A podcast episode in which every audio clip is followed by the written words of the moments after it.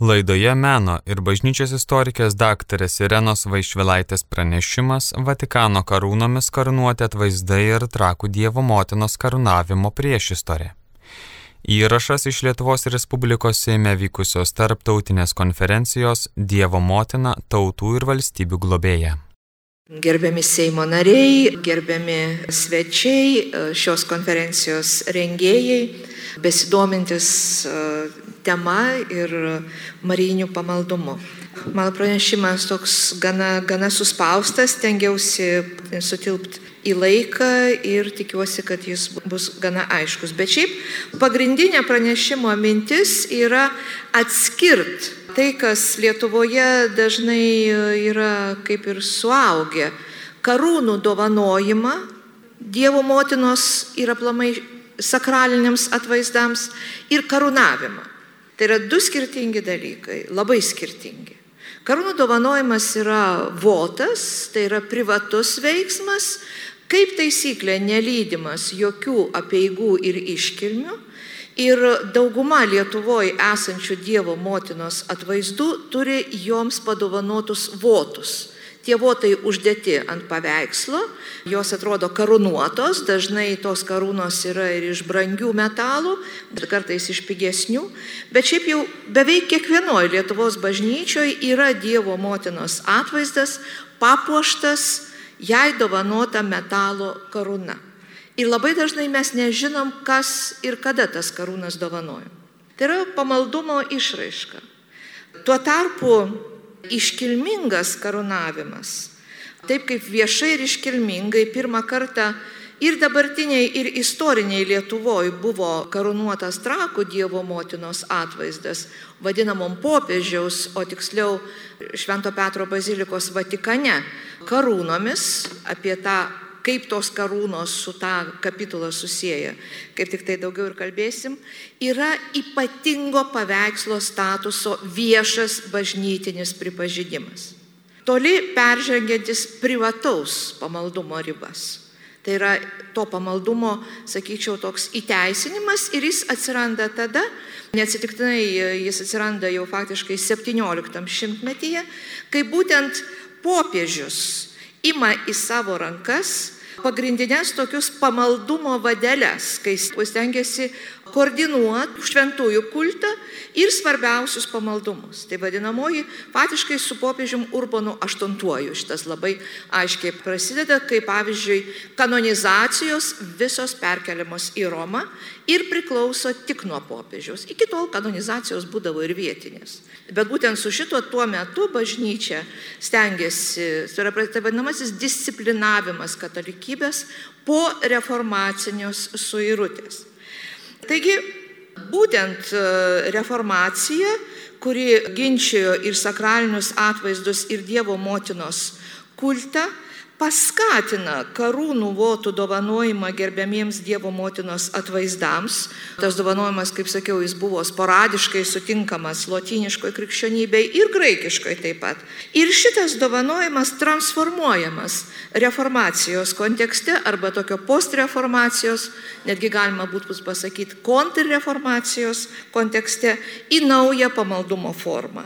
Į mano jau minėtą viešą ir iškilmingą atvaizdų karūnavimą, Taip pabrėžiant bei stiprinant ir Dievo motinos, ir jos atvaizdų kultą. Nes ir viena, ir kita, ir atvaizdų gerbimą, ir, ir Dievo motinos gerbimą reformacija ginčijo. Šitos pamaldumo praktikos raidai labai svarbi buvo XVI amžiaus pradžioje susikūrusios kapucinų vienuolijos veikla ir ypač kapucinų iniciatyvos Italijoje. Kapucinas Girolamo Pauliucci de Calboli da Forlì gyvenęs 1552, 1620, sujungė liaudės misijas, tai yra sielovadinė praktika, tai yra intensyvų pamokslavimą, kurio metu pirmiausiai buvo siekiama atgaivinti žmonių tikėjimą, sakramentinę ir pamaldumo praktikas su Dievo motinos kulto stiprinimu. Kapucinų liaudės misijų metu tikintieji buvo raginami atsisakyti nereikalingos prabangos ir atgailauti dėl savo tuštybės. Atgailaujantieji aukodavo papuošalus bei prabangos daiktus. Už tas aukas būdavo pagaminama karūna, kuria iškilmingai buvo karūnuojamas misijų vietovėje labiausiai gerbiamas Dievo motinos atvaizdas. Mes neturime išsamesnės informacijos apie tų karūnavimų apeigas, bet turint omenyje liaudės misijų pobūdį, karūnos pritvirtinimas prie atvaizdo turėjo būti viešas, palydimas pamaldomis. Toks bendruomenės valia ir bendruomenės aukomis vykstantis karūnavimas pabrėžia ir Dievo motinos karališkumą, kuris jau jo ekscelencijos arkivyskupo minėta Loreto litanija, jau susikloščiosios per šimtmečius antifonos, kuriuose Dievo motina vadinama karalienė, dangaus karalienė. Ir tokiu būdu ir kartu religinė išskirtinė jos atvaizdo svarba yra pabrėžiama. Tikintieji, sakytum, per aklamacionėm pripažįsta švenčiausiąją mergelę savo valdovę, tą pripažinimą išreikšdami per jos atvaizdo karūnavimą.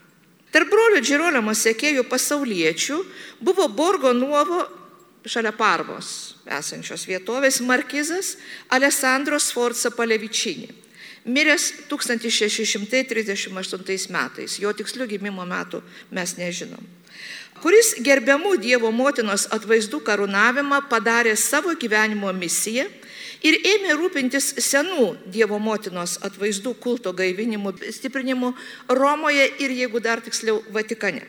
Iš Švento Petro bazilikos Vatikane kapitulai paliko solidų neliečiamą kapitalą. To kapitalo duodami procentai turėjo būti naudojami aukso karūnoms, skirtoms seniems ir gemiamiems Dievo motinos atvaizdams Vatikane, po to Romoje, o vėliau, kai visi tokie atvaizdai amžinajame mieste bus pagerbti už Romos ribų, kaip rašo testatorius, testamento autorius. Testamentas numato, kad per metus kapitulą gali pagaminti iki trijų karūnų. Karūnuojamas atvaizdas turi būti atliktas bet kokia technika, gali būti atliktas ir bet kokioj medžiagoje. Bet turi būti trys dalykai esminiai - senas, tikinčiųjų gerbiamas ir garsėjantis per jį gaunamą malonę.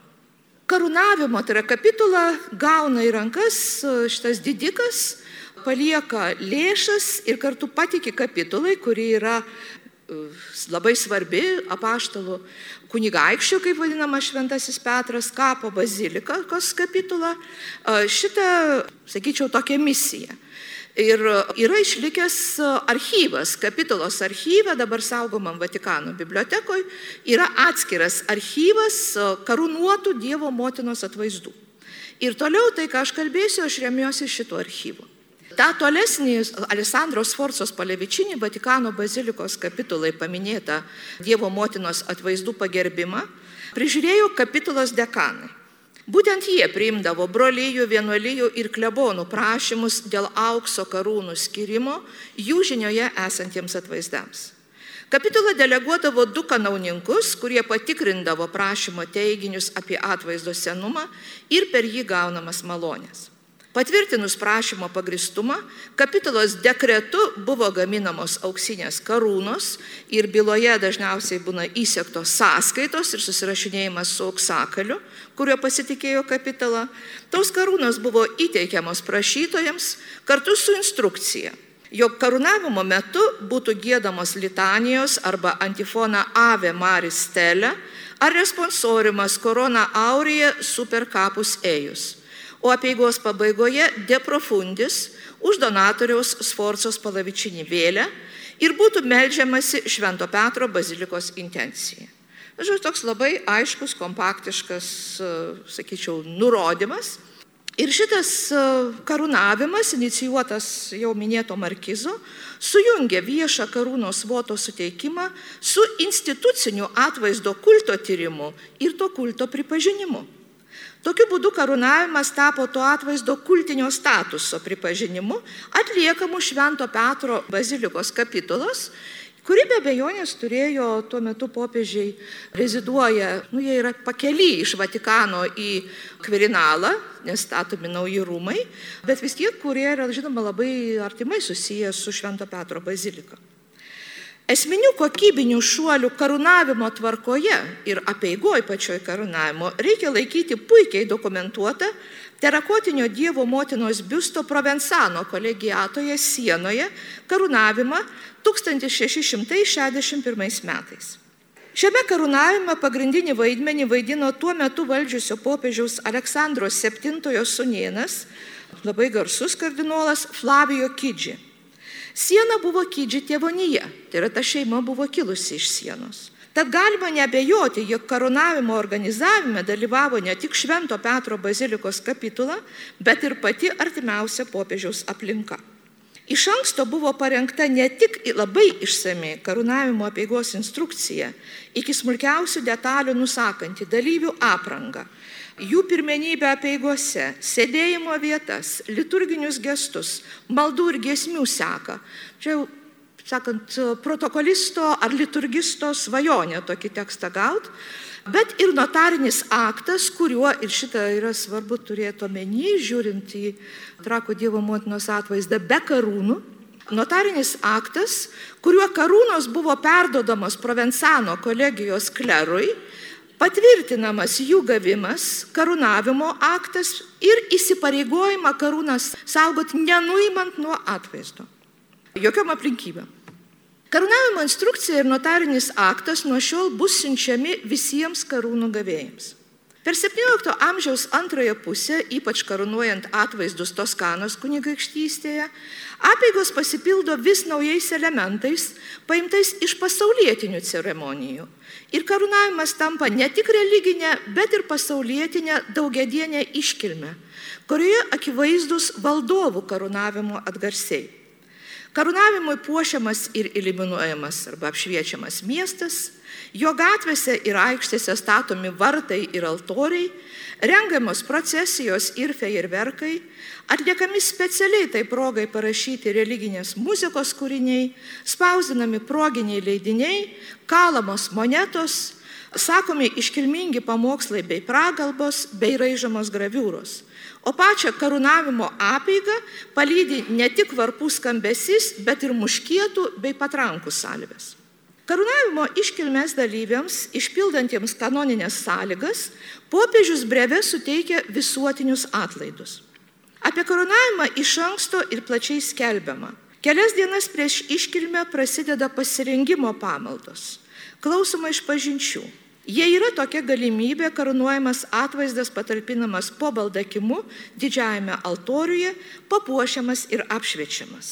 Karūnavimo iškilmė dažnai derinama prie liturginės Dievo motinos šventės ar iškilmės ir pradedama išvakarėje, mišparais, po kurių kalbama kuri nors Marijos litanija, gėdama antifoną Ave Maris Stelę.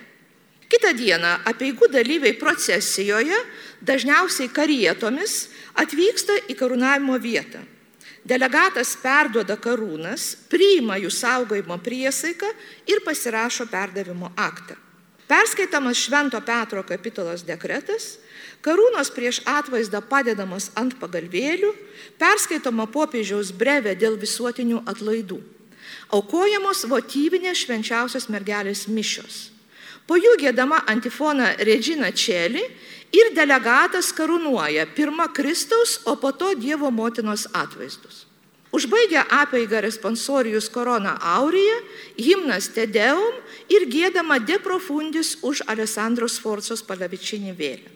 Diena užbaigiama mišparais. Iškilmės su iliminacijomis, fejerverkais, kantatomis tęsiasi dar bent tris dienas, dažnai švenčiama karūnavimo oktava. 17 amžiaus pabaigoje įvykiui pažymėti pradedamos įrenginėti paminklinės karūnavimo lentos bažnyčios sienoje. Iškilmių išlaidas bendromis jėgomis šiuo metu jau dengia pasaulietinė ir bažnytinė valdžia, prisideda įvairūs geradariai, nes jau galim matyti, kad išlaidos tikrai didelės. Čia yra apibendrintas, bet faktiškai iš daugybės va šitų bylų surinktas tos karūnacijos e, eigos ir, sakyčiau, aplinkybių ir detalių toksai aprašymas. Ir kas skaitė Trakų Dievo motinos karūnavimui skirtą leidinį arba Čenstahavos e, karūnavimo aprašą, tai visi šitie elementai ten yra. Taigi, naujų etapų šioje Dievo motinos e, kulto karūnuojant jos atvaizdą praktikoje, galima laikyti švenčiausios mergelės Marijos atvaizdo Čenstakavos Paulinų vienuolinė karūnavimo bylą. Kodėl nauju? Todėl, kad iš visų ankstesnių ši byla išsiskiria tuo, kad į kapitulą laiškų dėl karūnų Lenkijoje gerbiamam atvaizdui kreipiasi ne Vėlonyvino viršininkas, bet popiežius, Klebensas XI. Yra jo laiškas kapitulai.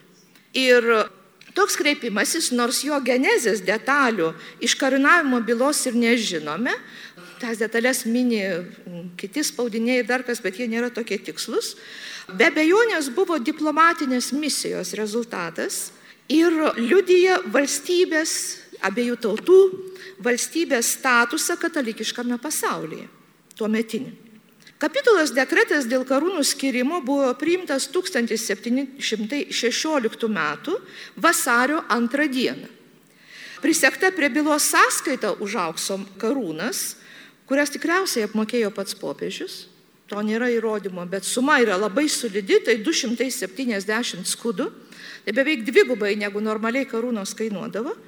Ir karūnavimo iškilmė Čenstakavoje pagal kapitulos nustatytą religinės iškilmės tvarką, kurią aš čia kaip tik kalbėjau, ir jau nusistovėjusius pasaulietinės šventės papročius su fejerverkais, triumfo arkomis ir patrankų salvėmis, kaip čia jau girdėjome, vyko 1717 m. rugsėjo 8 d. Pažymėtina, kad Čenstakavos Dievo motinos kulte ši karūnacija buvo labai stiprus, ne paskutinis, bet tikrai labai esminis impulsas pamaldumo jai kaip Lenkijos karalieniai susiklostime. Nors invokacija Kruliova Polski vis tik tai į religinę praktiką ateina vėliau. Tokį pamaldumą skatino privatus vazų giminės valdovų gestai. Primenant, kad Sigismundas Vaza Čenstakavos atvaizdui paukojo savo karališką skeptrą, o Vladislavas Vaza karūnas Dievo motinai ir kūdikiui paukojo, karūnavimo nebuvo. Bet ypač, kad Jonas Kazimieras Vaza 1656 metais Lvove, sunkiausių karo su švedais ir maskvienais metu, atliko įžadus bei paukojo valstybę Dievo motinai. Tai buvo antrasis paukojimas, pirmasis buvo Prancūzijoje, antrasis abiejų tautų Respublikoje. Tai ir Lenkijos karalius Liudvikas XIII prieš tai savo valstybę paukojo Dievo motiną. Po poros mėnesių nuo iškilmės Čenstahavoje 1717 m. lapkričio 2 dieną, tai yra tikrai labai arti to įvykio, Švento Petro bazilikos kapitula dekretu leidžia karūnuoti Dievo motinos atvaizdą trakuose. Sprendimas užrašytas ant Vilniaus vyskopo Kazimiero Bžostovskio suplikos antrosios pusės. Ir ši byla panašiai kaip Čenstakavos išsiskiria iš kitų. Vilniaus vyskupas savo prašymę labai trumpai apibūdina Trakų bažnyčios ir Dievo motinos atvaizdo istoriją, pasiremdamas jezuito Vijuko Kojalavičiaus Miselaniją ir, cituoju jau vyskupo raštą, daugeliu kitų knygų bei įrašų Trakų bažnyčios archyve.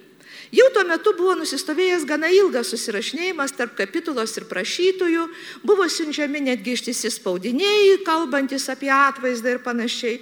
O čia yra vyskupo suplika ir tada kas įdomu, kad vyskupo prašymą, pasak kapitulos, kuri ten rašo, paremė Lenkijos karalystės globėjas, tuo metu buvo tokie globėjai kardinolai, kardinolas Anibalė Albani. Paveikslo senumą, per jį gaunamas malonės ir kulto paplitimą, priesaika ir parašais, o kai kurie ir savo anspaudais, patvirtino 12 Romoje tuo metu buvusių liudininkų iš Lietuvos didžiosios kunigaikštystės ir Lenkijos. O tai yra labai senu, daug senesnė praktika, tuo metu nebetaikoma. Bet buvo surinkti tie asmenys, yra jų kiekvieno ranka parašytas vardas, pavardė, liudijų ir kai kur atspaudas prispaustas. Tokia praktika karūnavimo bylose sutinkama tik 17 amžiaus pirmoje pusėje. Tad trakų atveju ją greičiausiai buvo pasinaudota, norint pagreitinti sprendimą. Atrodo, kad vyskupas Bžostovskis, tai nėra taip akivaizdu iš to, to nedidelio dokumentų rinkinėlio, pats šiuo reikalu buvo atvykęs į Romą, kad visa tai vyksta jam dalyvaujant ir norėta išvengti ilgesnio susirašinėjimo. Trakų atvaizdo byloje nėra kapitulos susirašinėjimo su auksakaliu, nei sąskaitos išrašytos auksakalio už karūnas. Atrodo, kad daug šio kapitulo sprendimo detalių buvo derinama žodžiu. Ir gali būti, kad Vilniaus vyskupas prisėmė karūnos pagaminimo išlaidas. Tai nebuvo išskirtinis dalykas, nes tuo metu, kadangi tų karūnų prašoma daug daugiau negu trijų per metus, nu, dar yra infliacija ir panašiai, pinigų kapitulai pradeda trūkti. Ir jau buvo atvejai, dažniausiai vienuoliniai ordinai, kai jie patys už tas karūnas susimokėdavo. Tačiau karūnavimo iškilmės, trakų Dievo motinos karūnavimo iškilmės aprašyme tas faktas neminimas, pabrėžiant, kad karūnos yra su popiežiaus palaiminimu suteikto Švento Petro bazilikos Romoje kapitolas, kas teisiškai yra visiškai teisinga, nes dekretas yra. Bet klausimas lieka toks. Pati karūnavimo iškilmė kartoja nusistovėjusią eigą, jau žinoma. Kaip ir Čenstakavoje po karaniavimo trakuose tęsiasi popiežiaus brevė suteiktų visuotinių atlaidų oktava. Taigi, pamečiui įvykusios dvi tolimuoji nuo Italijos abiejų tautų respublikoje įvykusios karūnacijos akivaizdžiai paskatino šito siekti ir kitas valstybės. Visų pirma, Habsburgų imperija, kurioje iki to meto nebuvo nei vienos karūnacijos. 1718 metais, tai yra tuo pat metu kaip ir trakosi, karūnuojamas Dievo motinos atvaizdas tuometinėje Austrijoje, Friulyje, dabar Italijoje. Tada pajudėjo Moravija ir Bohemija. 1735 metais karnuotas atvaizdas Olomauco Švento Tomo bažnyčioje. 41 metais Švento Vito katedroje Prahos pilyje. 39-ais, aš truputį peršokau, dar vienas atvaizdas Olomaucė, šį kartą prie monstrantų vienuolinė. 41 metais datuotas popiežiui adresuotas prašymas karūnuoti Gvadelupės Dievo motinos atvaizdą dabar pasauliškai, sakant, visame pasaulyje garsų Meksikoje. Neaišku, ar tas leidimas buvo suteiktas, nėra jokios sekos tam prašymui. Tūkstantis dabar grįžtam į tai, kad net netruko atsirasti ir daugiau prašymų iš Lietuvos ir Lenkijos. Ir čia visiškas čempionas, nes man neteko susidurti su atveju, va šitą archyvą skaitant, kur tas pats asmuo gauna dvi karūnacijas. Tai yra uh, Trakų kaštelionas Jonas Friedrichas Sapiega, kuris 1720 metais prašo leisti karūnuoti Dievo motinas atvaizdą Kodenyje. Aplamai tas kodenio atvaizdas dar tuo įdomus, kad uh, giminėje egzistuoja legenda, kad jis buvo uh, Jono Friedricho pirmtako pavoktas iš popiežiaus, uh, to paties Urbono VIII. Ir kas šiuo, šiuo atveju, kodėl mes minim, be to, kad tai būtų, buvo antras karūnavimas Lietuvoje, bet tai, kad uh, Sapiega neprašo jau labai aiškiai kapitulos uh, karūnų, o prašo tik leidimo karūnuoti pats akivaizdžiai tas parašyta prisijimdamas visas išlaidas. 1725 metais popiežiui Benediktui XIII adresuotas Rusios ir Voluinės klero bei didikų prašymas leisti iškilmingai karūnuoti atvaizdą pod kamenės Domininkonų bažnyčioje. Ir Dominikonai ir susimokėjo už tą karūną. 1726 metais, kaip matome, eina jau pamečiui iš Lietuvos ateinantis, iš Lietuvos ir Lenkijos ateinantis prašymai. Užfiksuota, kad neįvardintas vienuolis Bazilijonas prašo leidimo, tai yra iš, kaip dabar taip jau, graikas katalikas arba unitas, e, prašo leidimo karūnuoti Žirovicų Dievo motinos atvaizdą, cituodamas Jėzuito Gumpenbergerio studiją apie gerbiamus Dievo motinos atvaizdus. Neaišku, ar tas atvaizdas buvo karūnuotas, tai yra mažytis akmeninis paveikslas, toksai iki šiol saugomas dabar jau stačiatikių Žirovicų vienuolinė. 1731 metais karūno prašo ir jas gauna Pšemišlio viskupija. Šį kapitulą sumoka už karūnas. Nu, ten labai toks, sakant, garsus atvejis. 1747 m. rūpiučio 20 d. kapitulą nusprendžia patenkinti vis to paties Jono Friedriko Sapiegos prašymą, kuris jau, per tą laiką tampa Lietuvos didžiosios kunigaikštystės kancleriu, bet lieka ir trakų kaš, kaštelionu, leist karūnuoti jo nuosava karūna vėl Vilniaus pranciškonų konvento Švento Mykolo Arkangelo bažnyčioje esantį Dievo motinos atvaizdą. Va šitą, kuris dabar saugomas Vilniaus katedro. Vilniaus kapitulos palaikytas šito paveikslo byla užsitęsė faktiškai 20 metų. Vilniaus kapitulos palaikytas ir informacija, išsame informacija apie atvaizdo istoriją ir per jį gautas malonės papildytas sapiegos prašymas Švento, baziliko, Švento Petro bazilikos kapitulai buvo pateiktas 28 metais, o leidimas duotas 47. Be kitko šitame prašyme pastebima, kad atvaizdas jau turi karūną, be apieigų ir ceremonijų dovanota pamaldaus geradario. Yra tos karūnų dovanas ir karūnacija, kaip matom, yra skirtingas dalykas. 1777-1758 metais iš abiejų tautų respublikos, daugiausiai iš Lenkijos karalystės, gauta 11 malonėmis garsėjančių atvaizdų karūnavimo prašymų ir daugumos jų autoriai karūnas buvo apsirengę, apmokė, pasirengę apmokėti patys.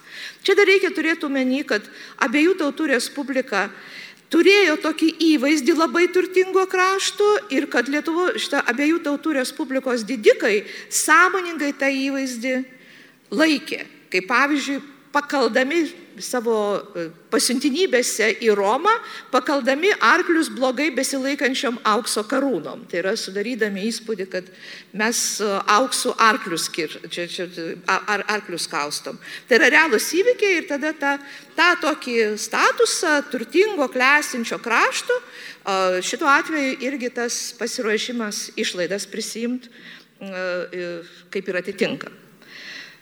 Taigi, palikęs lėšą Švento Petro bazilikos kapitulai, kuri jo sumanimu turėjo tęsti senų ir gerbiamų švenčiausios mergelės atvaizdų išaukštinimą Romoje, Sforza Palavičinį tuo pačiu susijęjo atvaizdų karūnavimus su popiežiais.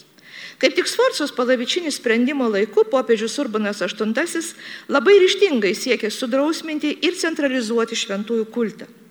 Romos vaidumo šventųjų skelbime, kulto pripažinime, pamaldumo praktikų įtvirtinime, tuo metu kaip tik tai, kai šitas sprendimas pradedamas įgyvendinti, sparčiai augo.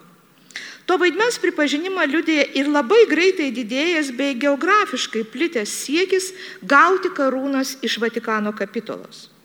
Nors pirštų parodomo ryšio neįmanoma aptikti, karūnacijos apaigos atvaizdų karūnacijos atvaigos, labai greitai iš pamaldaus akto tapo vieša iškilme, perimančia pasauliečių valdovų karūnavimo švenčių elementus, o karūnuotas atvaizdas vis labiau imamas traktuoti kaip išskirtinis, įgavęs ypatingą statusą panašų į karūnuoto asmens. Gi pasaulietinių lotiniškos Europos valdovų karūnavime popiežiaus teikiamos karūnos, kaip ir tai, kad popiežiai užbaigdavo Šventojios Romos imperijos imperatorių karūnavimą, jiems uždėdami aukso karūną, po metalinės ir sidabrinės, turėjo išskirtinę reikšmę. Paraštėje būtų galima priminti, kad imperatorių karūnavimą popiežiaus karūna nutraukė reformacija ir kad paskutinis popiežiaus karūnuotas Šventojios Romos imperatorius buvo Karolis V, kuriam 1530 m. vasario 24 d. aukso karūną Bolonijoje uždėjo popiežius Klemensas VII. Karūnavimo iškilmė buvo labai panaši į tas, kurios po gero šimtmečio susiklostė Toskanos kunigaikštystėje. Lietuvos didžioji kunigaikštystėje karūnuotų dievo, motinos atvaizdų bylos Vatikano bazilikos kapitulos archyve atkreipė dėmesį, kad itin gerbti atvaizdai iki karūnavimo jau turėjo karūnas, padovanotas pamaldžių donatorių, bet kaip tiksliai pastebi Jonas Friedrichas Sapiega, be iškilmių ir ceremonijų. Kalbant apie LDK, reikėtų paminėti ir sapiegų giminės atstovų aktyvumą, dovanojant karūnas gerbiamiausiams Dievo motinos atvaizdams, nes ir sapiegos dovanota karūna trakų Dievo motinai yra minima būtent karūnavimo aprašyme. Vietinės pamaldumo bei karūnų votų tradicijos tikriausiai prisidėjo ir prie to, kad Lietuvos didikai rūpinosi tik Vatikano kapitulos leidimu karūnuoti, o ne materialiu aukso karūnų suteikimu, arba patys sumokėdami Romas auksakaliams už karūnas, arba jas padirbindami vietoje, kas turint Vatikano kapitulos dekretą netrukdė jų kaip popiežiaus karūnų statusų. Nors Čensakavos atvaizdo karūnavimas greičiausiai paskatino trakų atvaizdo karūnavimą, lyginant su pamaldumu Čensakavos Dievo motinai kaip Lenkijos karalieniai, trakų Dievo motina pamaldume jai netapo Lietuvos didžiaja kunigaikštienė. Tačiau išskirtinai gerbto ir saugotojos atvaizdo ir gausių kitų atvaizdų karūnavimas Lietuvos ir Lenkijos valstybėje per XVIII amžių sąlygojo Dievo motinos atvaizdų kulto pavydalą Lietuvoje, galėčiau pridurti ir Lenkijoje žinoma. Dievo motinos ir kūdikio karūnos tapo neatskiriamų, gerbiamų bei malonėmis garsėjančių atvaizdų atributų, be karūnacijos dažnai. Paradoksalu, bet per 20 amžių trakų Dievo motinos atvaizdo kultas sumenko iki vietos lygio. Žečpospolitos padalymas labai nutolino Lietuvą nuo Romos, o trakus pavertė provincijos miestu, faktiškai beveik praradusi miesto statusą. Tad nežiūrint to, kad atvaizdo pavydalas ir pati trakų šventovės scenografija labai įsakmiai byloja apie karališką atvaizdo statusą, Jo žinomumas ir populiarumas per 20 amžių, o ypač per antrą 20 amžiaus pusę sumenkėjo. Dar mažiau pasisekė tik jau karūnuotai, oficialiai ir iškilmingai karūnuotai Šventojo Mykolo Dievo motinai, tiksliau jos atvaizdui, kuris yra iškeltas iš savo vietos, nes bažnyčia buvo uždaryta, ilgiem dešimtmečiau buvo dingęs, tai yra faktiškai paniręs į visišką nežinę ir iš tos nežinios išniręs be karūnų, papuošalų ir be kulto testinumų.